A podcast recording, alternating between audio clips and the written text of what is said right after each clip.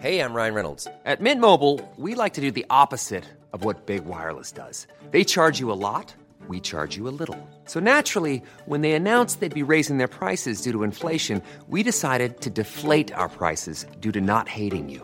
That's right. We're cutting the price of Mint Unlimited from $30 a month to just $15 a month. Give it a try at mintmobile.com slash switch. $45 upfront for three months plus taxes and fees. Promo rate for new customers for limited time. Unlimited more than 40 gigabytes per month. Slows. Full terms at mintmobile.com. Burrow's furniture is built for the way you live. From ensuring easy assembly and disassembly to honoring highly requested new colors for their award-winning seating, they always have their customers in mind. Their modular seating is made out of durable materials to last and grow with you. And with Burrow, you always get fast, free shipping. Get up to 60% off during Burrow's Memorial Day sale at burrow.com slash ACAST. That's burrow.com slash ACAST. burrow.com slash ACAST. Kvinnen med den tunge koffert kommer hjem er laget i samarbeid med Podimo. Har du lyst til å høre alle de ni episodene, kan du allerede nå høre hele sesongen. Kun i Podimo-appen. Du lytter til en podkast fra Third Air.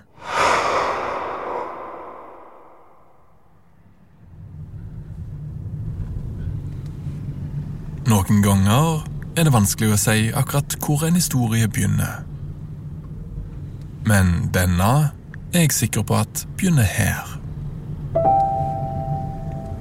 Den 10. juni 2022, i en grønn bil litt utenfor Lillestrøm. Jeg har tatt på meg en dress, og i passasjersetet ligger en brun skinnbag til å gjemme mikrofonen i. Mens jeg kjører ned en vei med høye trær på hver side. Og bak de kan jeg se gravplasser. Stalsberghagen krematorium skal det være. I enden av veien ligger Stalsberghagen krematorium. Det her er en dag etter jeg kom over dødsannonser til Marie Madeleine Steen og sendte den på e-post til Christer. Så tror jeg vi er framme. Hadde begge merka oss at dødsannonser var signert med venner. Og venner i ei dødsannonse er kodeord for ingen. Men det jeg ikke forsto da, var hva det her betydde for Christer.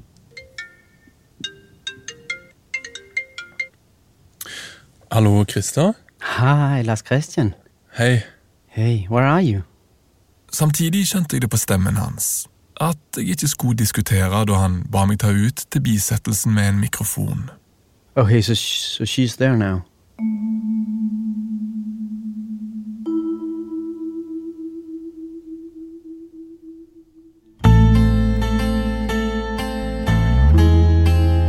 Kvinner med den tunge koffert er her, på innsida av Stalsberghagen lille kapell.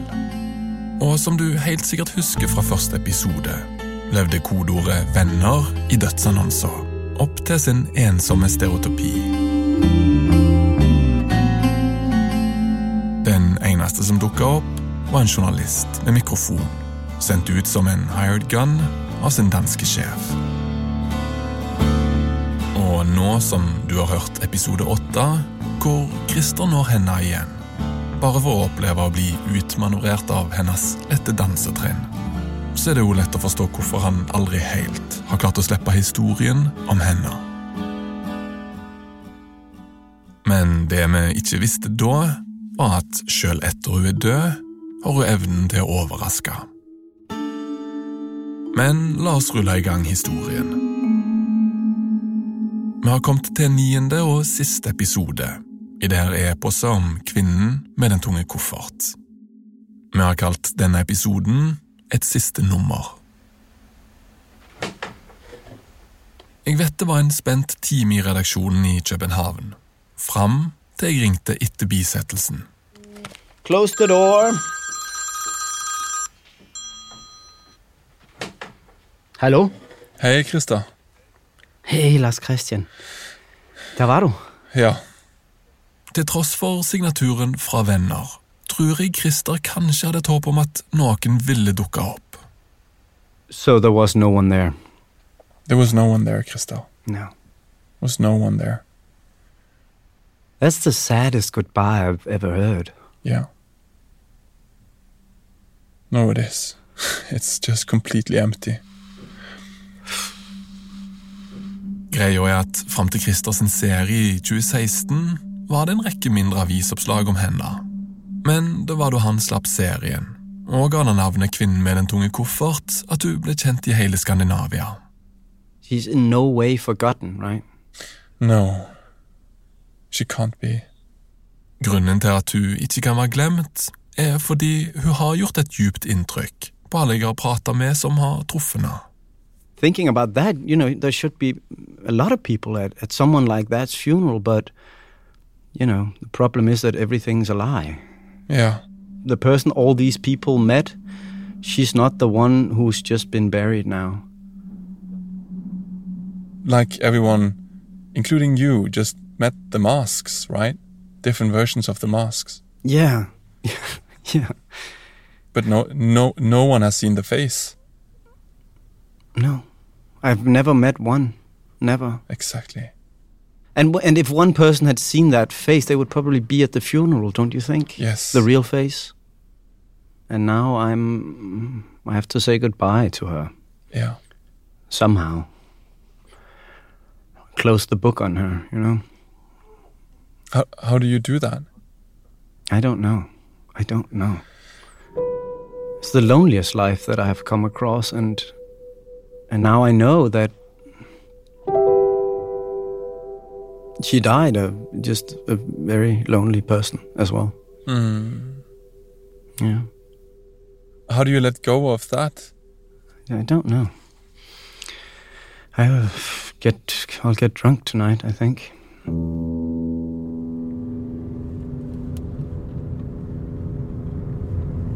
Mens Christer tråkker på sykkelen mot en brun bar i København, kjører jeg tilbake på veien jeg kom fra. Men i stedet for å kjøre hjem til nabolagsbaren, er det en plass jeg vil innom.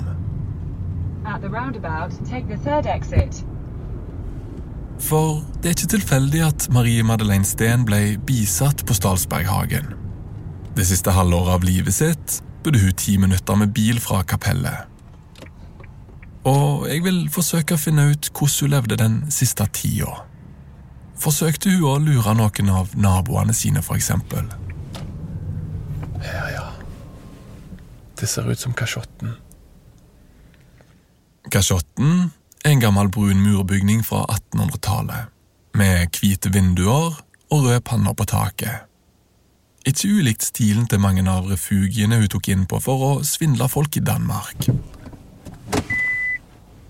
I dag er det et leilighetshotell, men det ble bygd som kvinnefengsel.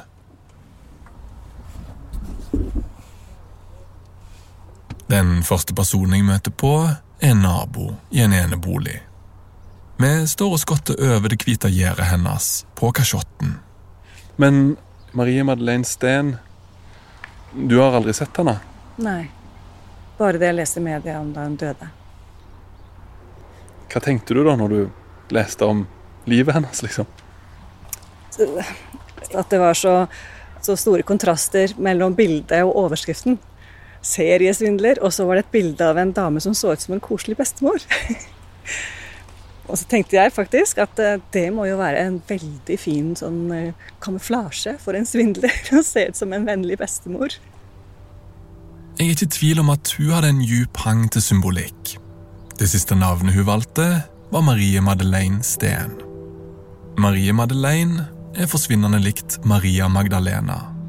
Den nest viktigste kvinna i Bibelen. Det var det navnet hun ofte brukte da hun svindla prester. Og Sten, det var etternavnet fra da hun fikk sitt første barn. Det siste hun valgte da hun flytta inn i et tidligere kvinnefengsel.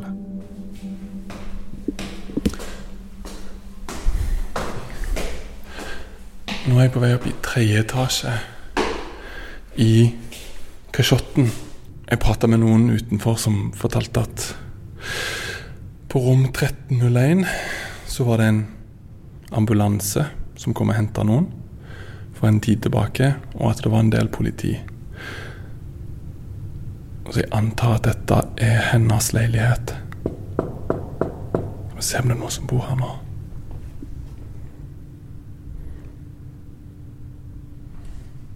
Det virket ikke som om leiligheten hun hadde legget ut igjen. Det er i hvert fall ingen som åpner. Det var her Marie Madeleine Steen døde. Ingen kjenner til noen nære relasjoner den siste tida.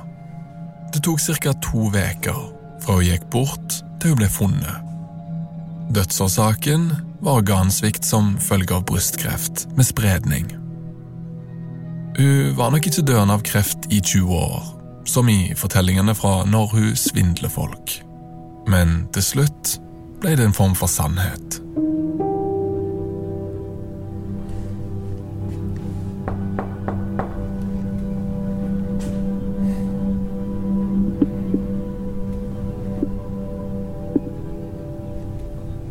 Politiet vet ikke stort om henne i den siste perioden.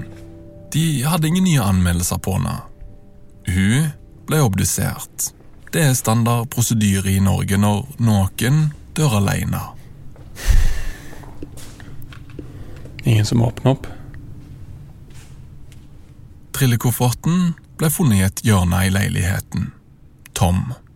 Parkert, kan det nesten virke som. Jeg vil tippe hun hadde lagt eiendelen sin i hyllen og skapet i leiligheten hun leide.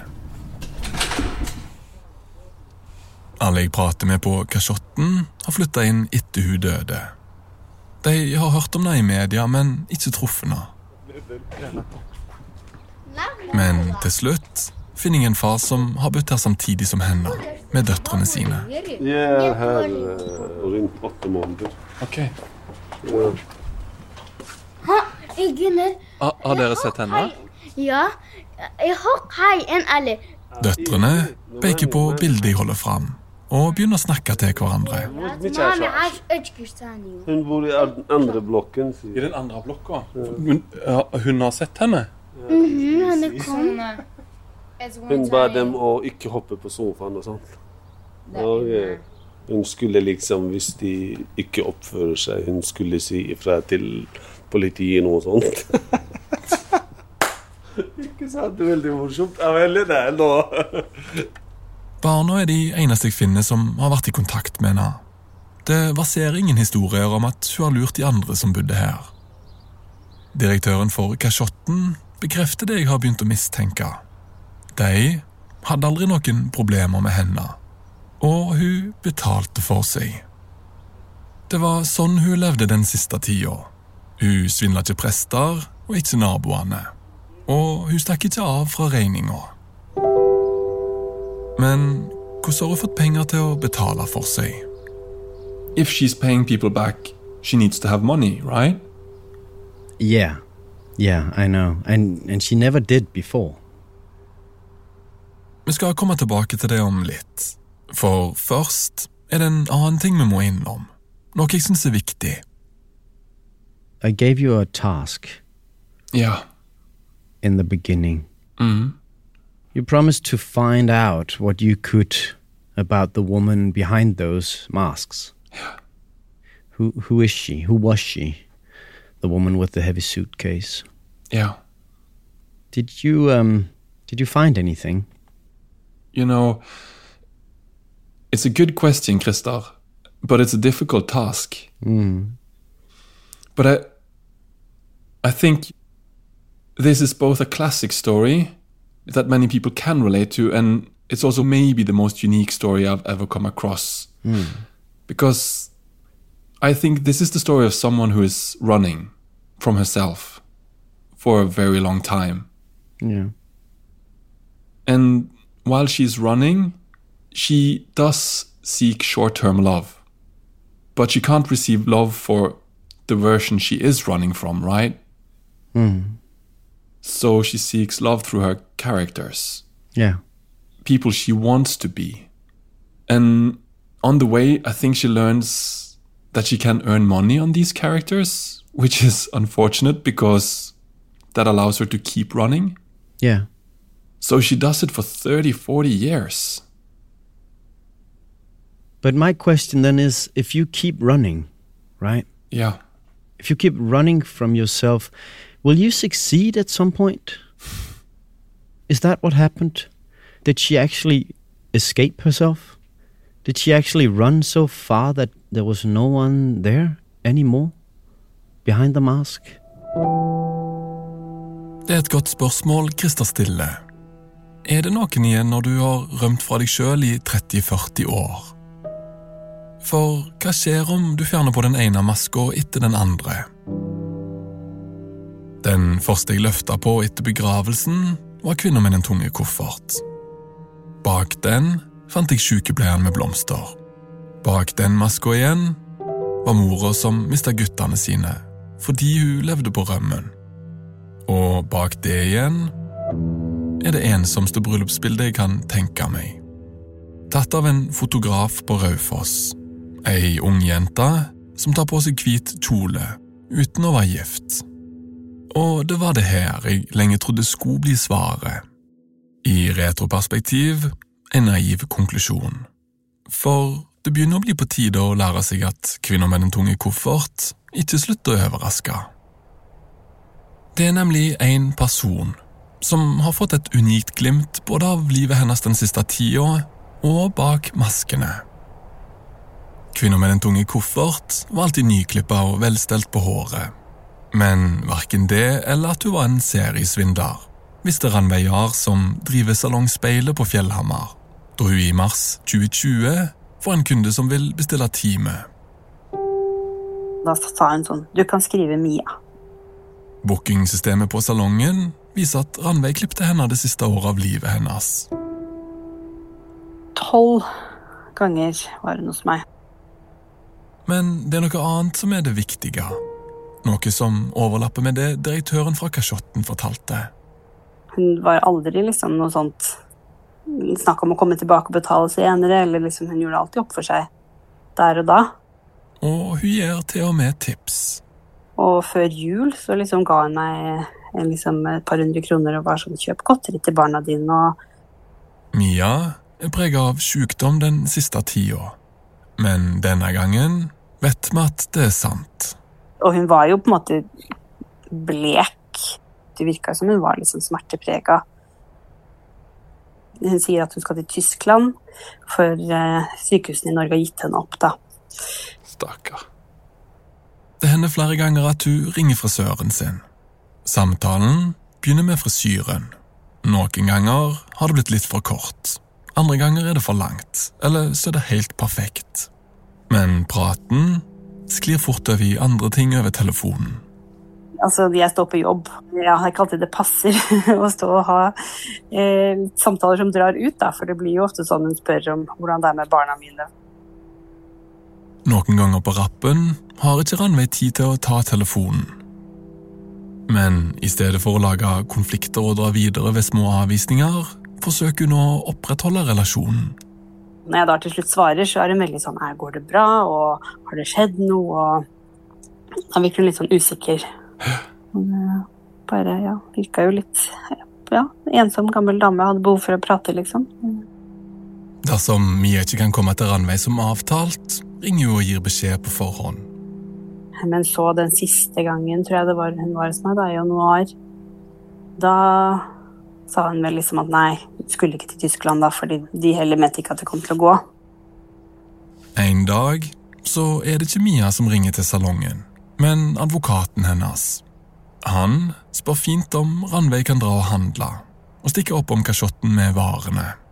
Han har ikke sjans sjøl, og det navnet og nummeret til frisøren sin Mia har gitt til advokaten.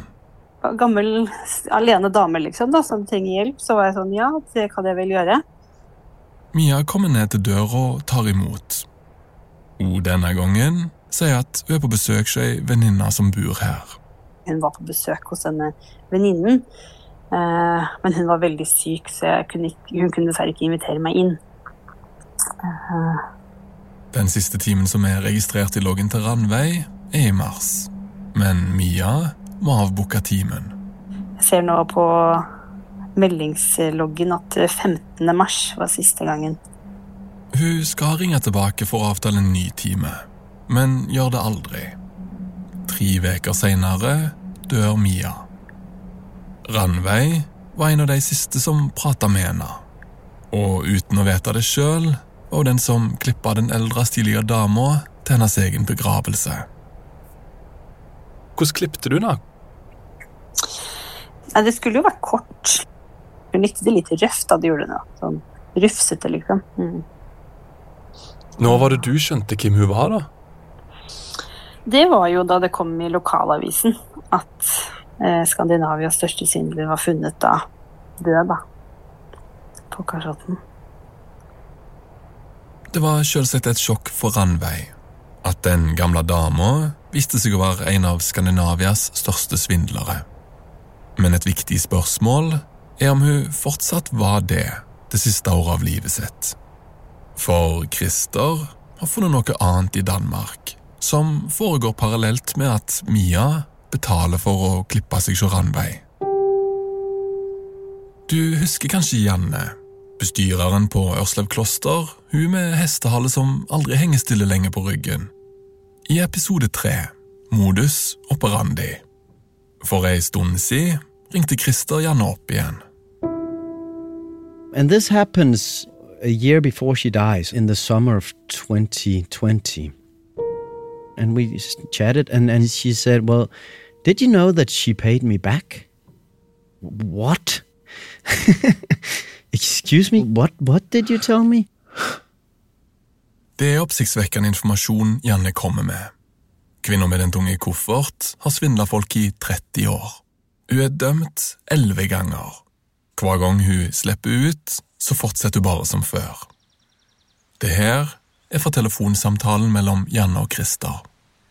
Det blir jeg simpelthen nødt til ut om, om, om det er noe hun selv har valgt. Ja. Om hun rent faktisk når å se, se hva hun har gjort. At hun har fått noen moralske øh, skrubler. Det ville være rett vilt, ikke? Jo, det ville det virkelig. Spørsmålet er selvsagt ble hun tvunget til å betale tilbake, eller vil hun betale tilbake sjøl? Jeg håber virkelig, at der er nogen, der finder ud af det her. Men jeg skal nok gøre alt, hvad jeg kan. ja. How would you like to look five years younger? In a clinical study, people that had volume added with Juvederm Voluma XC in the cheeks perceived themselves as looking five years younger at six months after treatment. Look younger, feel like you. Add volume for lift and contour in the cheeks with Juvederm Voluma XC. Reverse signs of aging by adding volume to smooth laugh lines with Juvederm Volure XC. For important safety information and to find a licensed specialist, visit juvederm.com. That's J U V E D E R M.com. Not for people with severe allergic reactions, allergies to lidocaine, or the proteins used in Juvederm. Common side effects include injection site redness, swelling, pain, tenderness, firmness, lumps, bumps, bruising, discoloration, or itching. There's a risk of unintentional injection into a blood vessel, which can cause vision abnormalities, blindness, stroke, temporary scabs, or scarring. Talk to a licensed specialist to find out if it's right for you. Everyone knows therapy is great for solving problems, but getting therapy has its own problems too, like finding the right therapist, fitting into their schedule, and of course, the cost. Well, BetterHelp can solve those problems. It's totally online and built around your schedule. It's surprisingly affordable too. Connect with a credentialed therapist by phone, video, or online chat, all from the comfort of your home. Visit betterhelp.com to learn more and save 10% on your first month. That's BetterHelp, H E L P. Ready to pop the question? The jewelers at BlueNile.com have got sparkle down to a science with beautiful lab grown diamonds worthy of your most brilliant moments. Their lab grown diamonds are independently graded and guaranteed identical to natural diamonds, and they're ready to ship to your door. Go to BlueNile.com and use promo code LISTEN to get $50 off your purchase of $500 or more. That's code LISTEN at BlueNile.com for $50 off. BlueNile.com code LISTEN.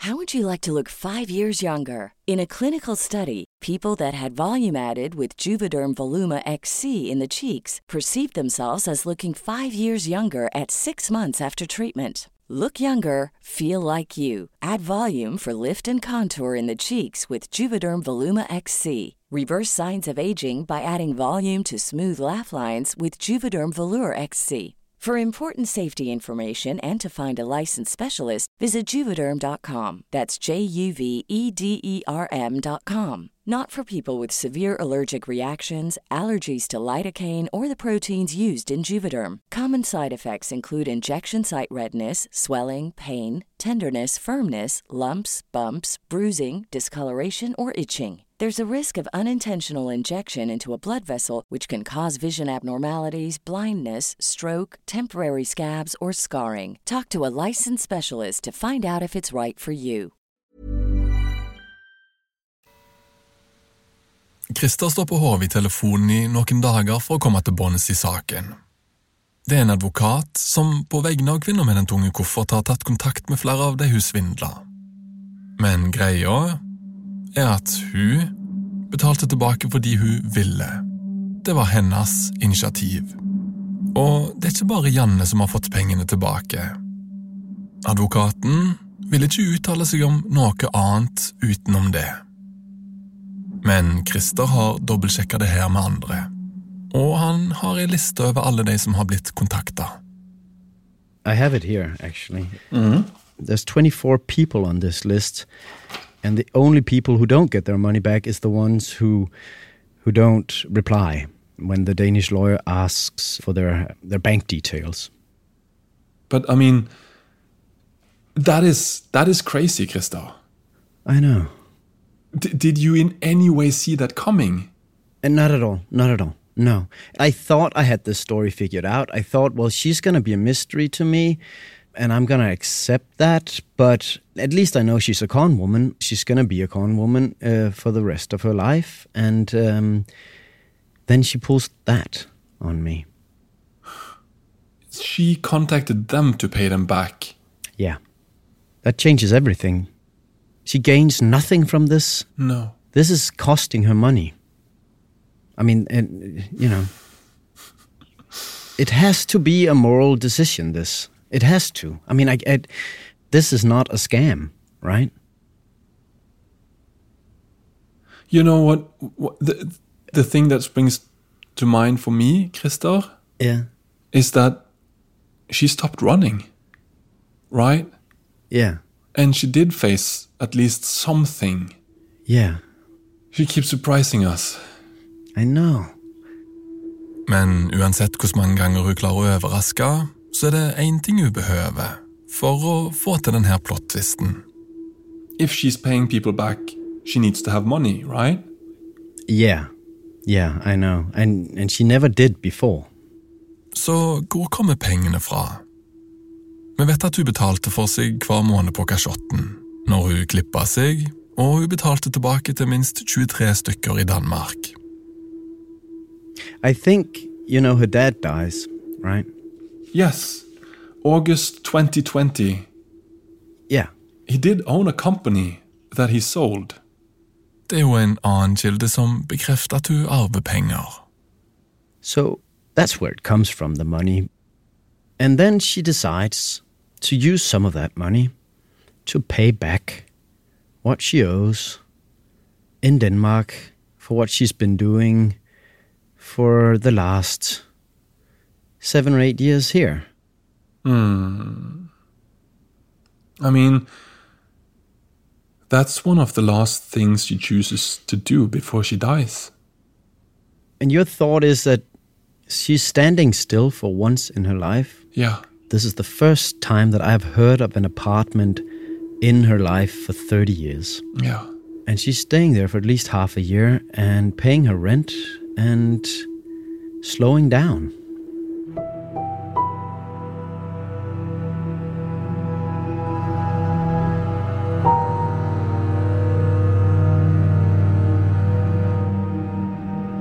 But there is something else that fits, fits into the timeline here, Christa. Yeah?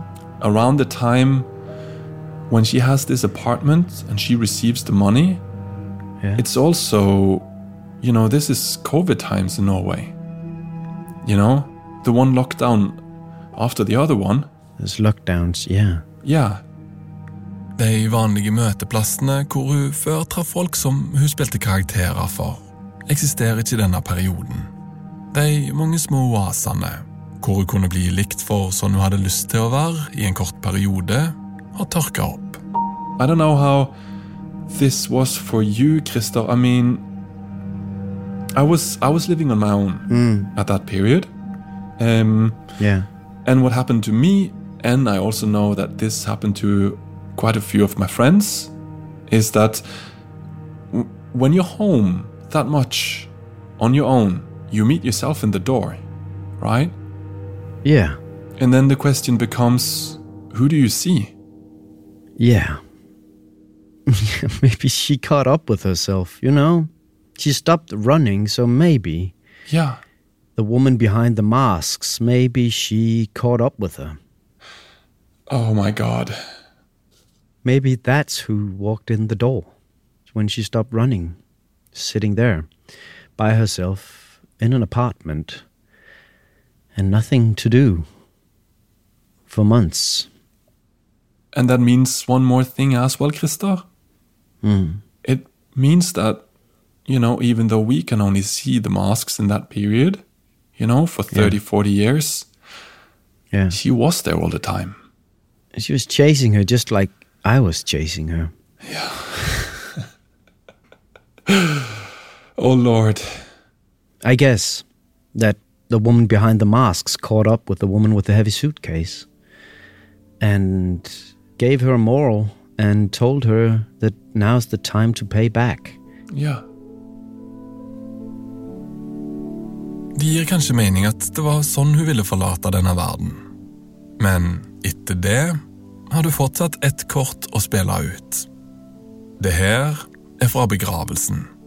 Siden det ikke var noen som kom, så var det heller ingen som kunne bære kista. Når sansen var over, presenterte jeg meg for begravelsesagentene og presten. Men når jeg sier jeg er journalist, så blir de nesten redde. De løfter kista over på ei tralle og triller ned ut bakdøra, hvor jeg ikke kan følge etter. Det her er fra opptaket like etter begravelsen. Hva What's happening right now? Well, she she got away again. That was the absurdity. Like she got away. like She fooled you. yeah, she she did. Like I was I was standing there with like that trolley was gonna pass. I was sitting right next to the entrance where where it was gonna pass. she slid out the back way, and I don't know where she is now. Oh, I can't tell you how many times she's done that. Oh Lord. Slipped out the back way. Yeah. you know, I, Yes, which, which is, you know, you know, that, actually, that's pretty fair. You know, you can give her that. you know, I think it is.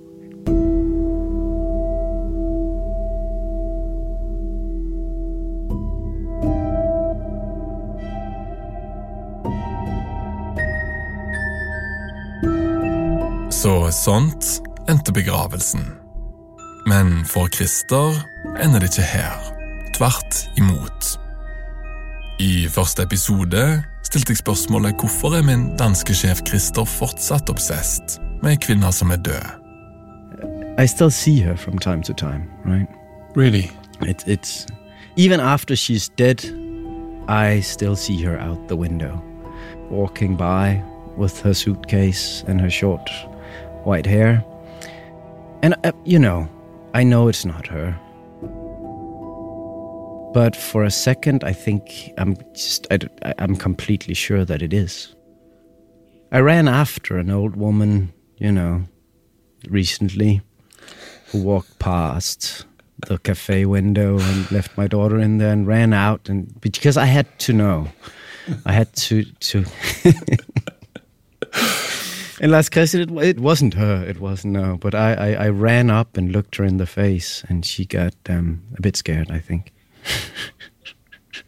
That should come with a warning when you, if you're an old woman buying a trolley suitcase in Copenhagen now, like this guy might come after you.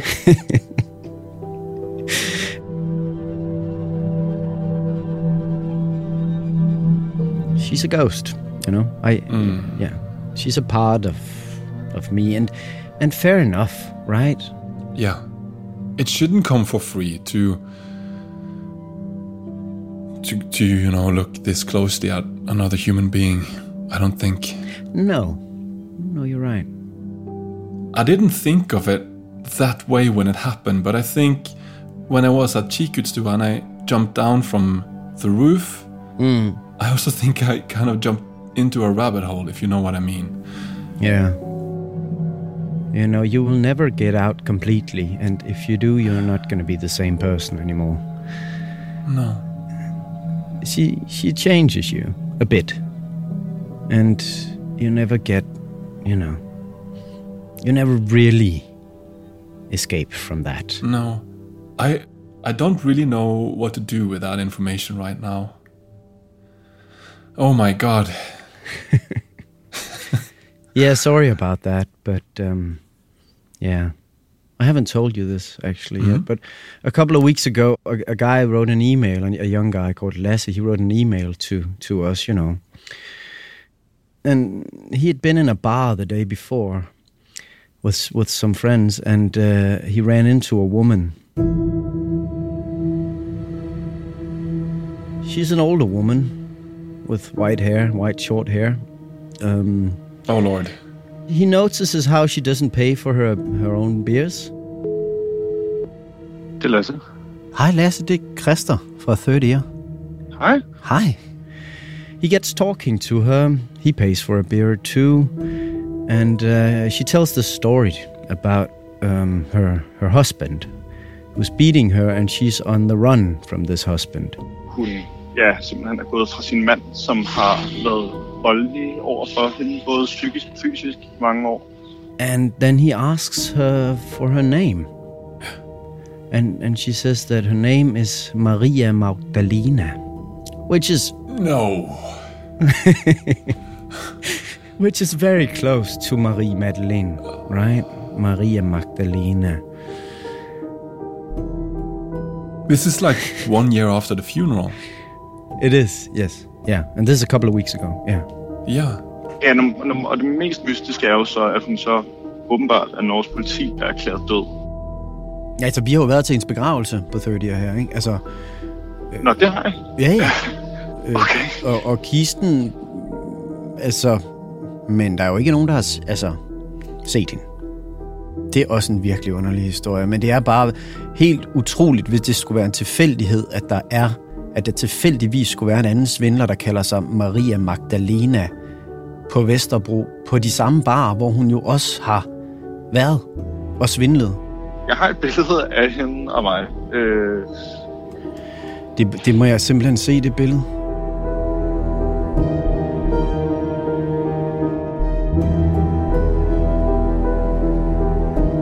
Christer setter seg på sykkelen og tråkker gjennom København. Denne gangen er det ikke for å drikke gravøl, men for å få svar på om han har fått et spøkelse som følger han. det er Lasse. Det er Ja, kom indenfor. Takk.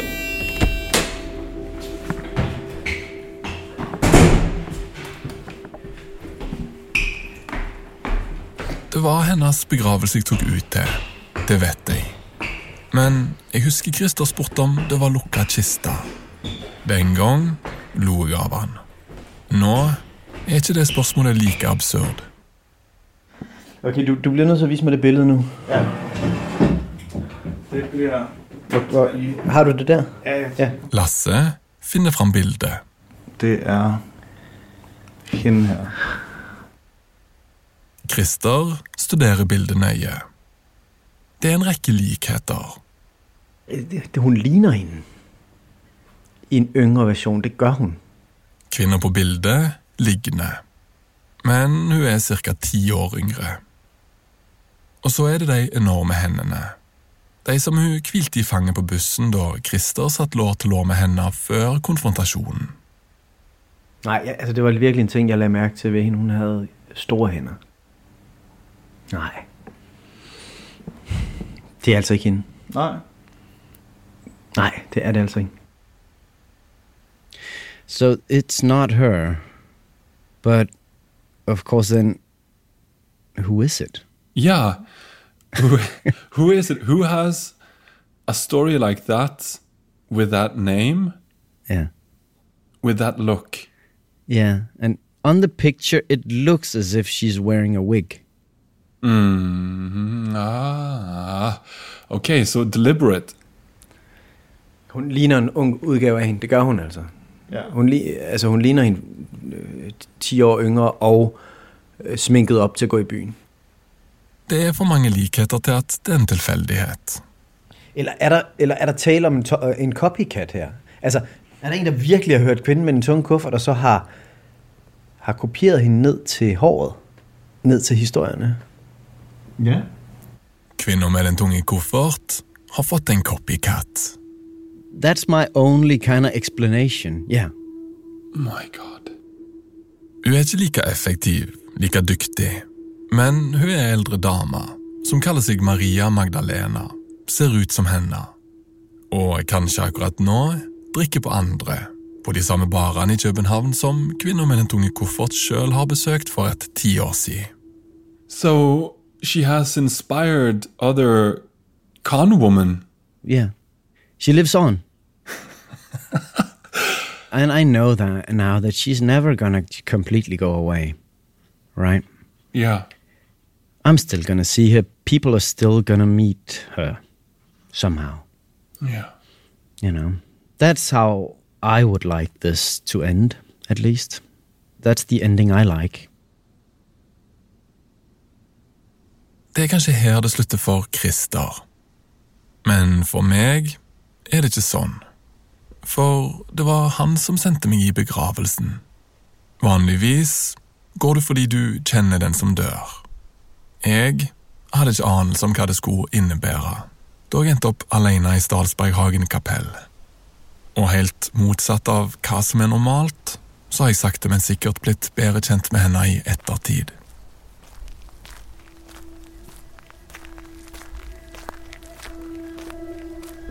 Det er midt på natta, men jeg får ikke sove.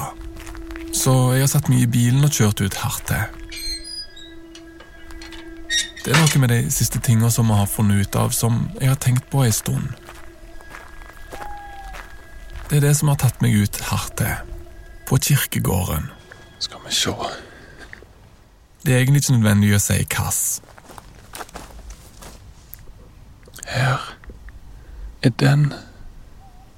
Stedet til de her gravene kan egentlig få være anonyme. Og så tror jeg den andre ligger her borte.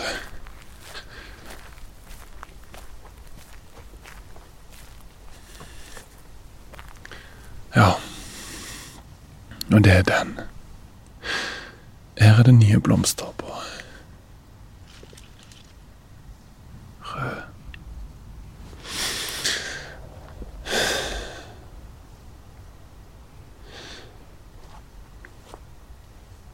Sommernatta er varm.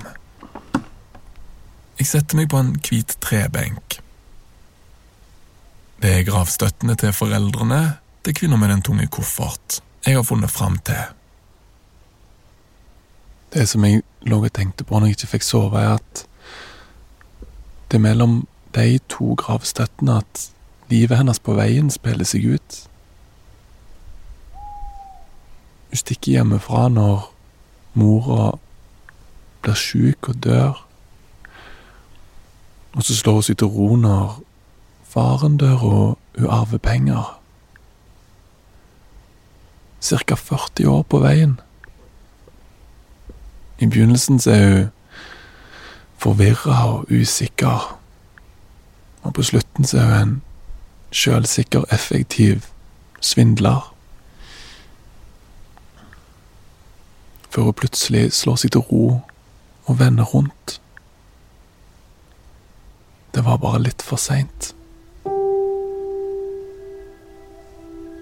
Jeg har liksom lyst til å tenke at hvis hun hadde hatt mer tid på seg før hun døde, så var det noen som hadde dukka opp i begravelsen. Jeg liker i hvert fall å tro det.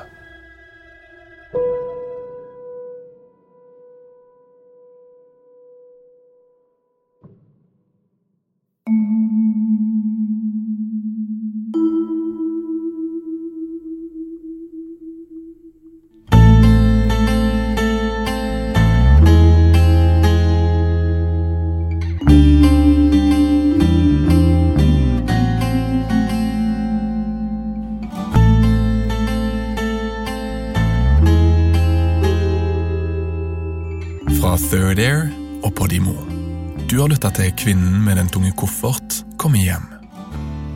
Og det var niende og siste episode i det her eposet om Kvinnen med den tunge koffert kommer hjem. Tusen takk for at vi får dele historiene våre med deg. Hvis du har truffet på Kvinner med den tunge koffert og har en historie å fortelle, må du gjerne skrive til oss på Facebook-sida til En mørk historie. Og hvis du liker det vi lager, så behøver du ikke vente lenge. For vi kommer til å slippe nye episoder hver uke. Her i En mørk historie. Helt fram til jul. Dersom du trykker på Følg oss i appen hvor du lytter, så skal de komme opp automatisk, etter hvert som vi slipper nytt materiale. Hvis du ikke vil vente til neste uke, så har vi selvsagt en rekke serier i katalogen. Skroll bare nedover i feeden vår hvor du lytter nå.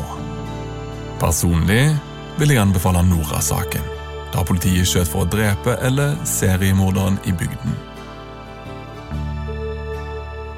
Historien er tatt opp, skrevet og fortalt av Lars Kristian Øverland. Den er gjort etter en idé av Christer Molsen, som òg er produsent. Anne Obel har gjort lyddesign, skrevet originalmusikk og miksa episoden. Opptaket av Janne Fruegård er gjort av Christer Molsen. En ekstra takk til Tim Hinman, som både har laga musikk og hjulpet til med dramaturgien. Og ikke minst takk til Rasmus Spitz, Fredrik Nielbo og Nora Brøndseth for veldig god hjelp i redaksjonen. Eksekutiv produsent er Joel Silberstein Hont, og Martin Jonsson er ansvarlig utgiver på Third Air.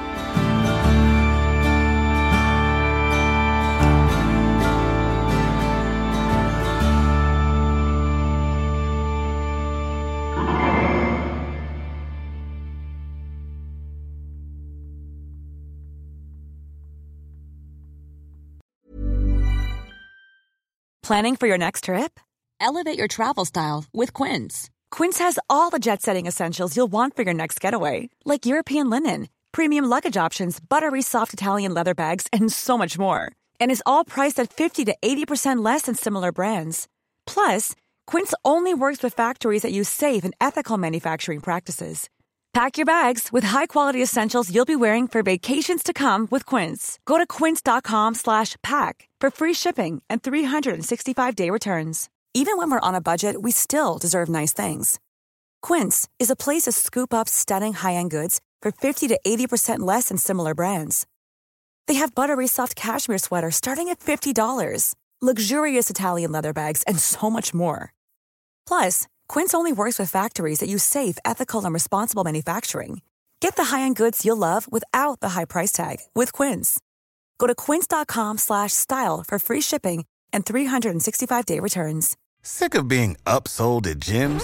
My guy, you're currently a base member. For $90 more, I can upgrade you to our Shred membership. For $130 more, you'll be a Swole member. And for just $300 more, you'll reach Sweat Platinum.